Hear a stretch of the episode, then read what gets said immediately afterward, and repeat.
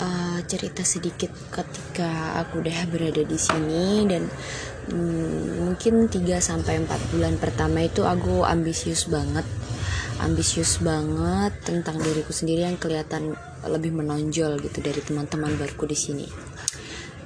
Uh, ini sebelum aku tahu ya apa spesialnya di Pontianak.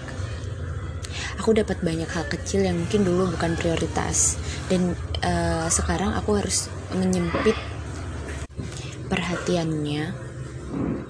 Karena aku harus merhatiin yang awalnya aku tuh nggak pernah nganggap hal itu penting dan sekarang beberapa hal harus jadi prioritas gitu.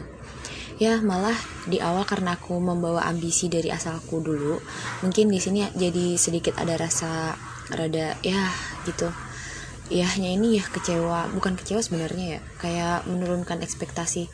Sebenarnya uh, wawasanku mau kuliah itu oh karena anak kampus tuh bla bla bla loh gitu.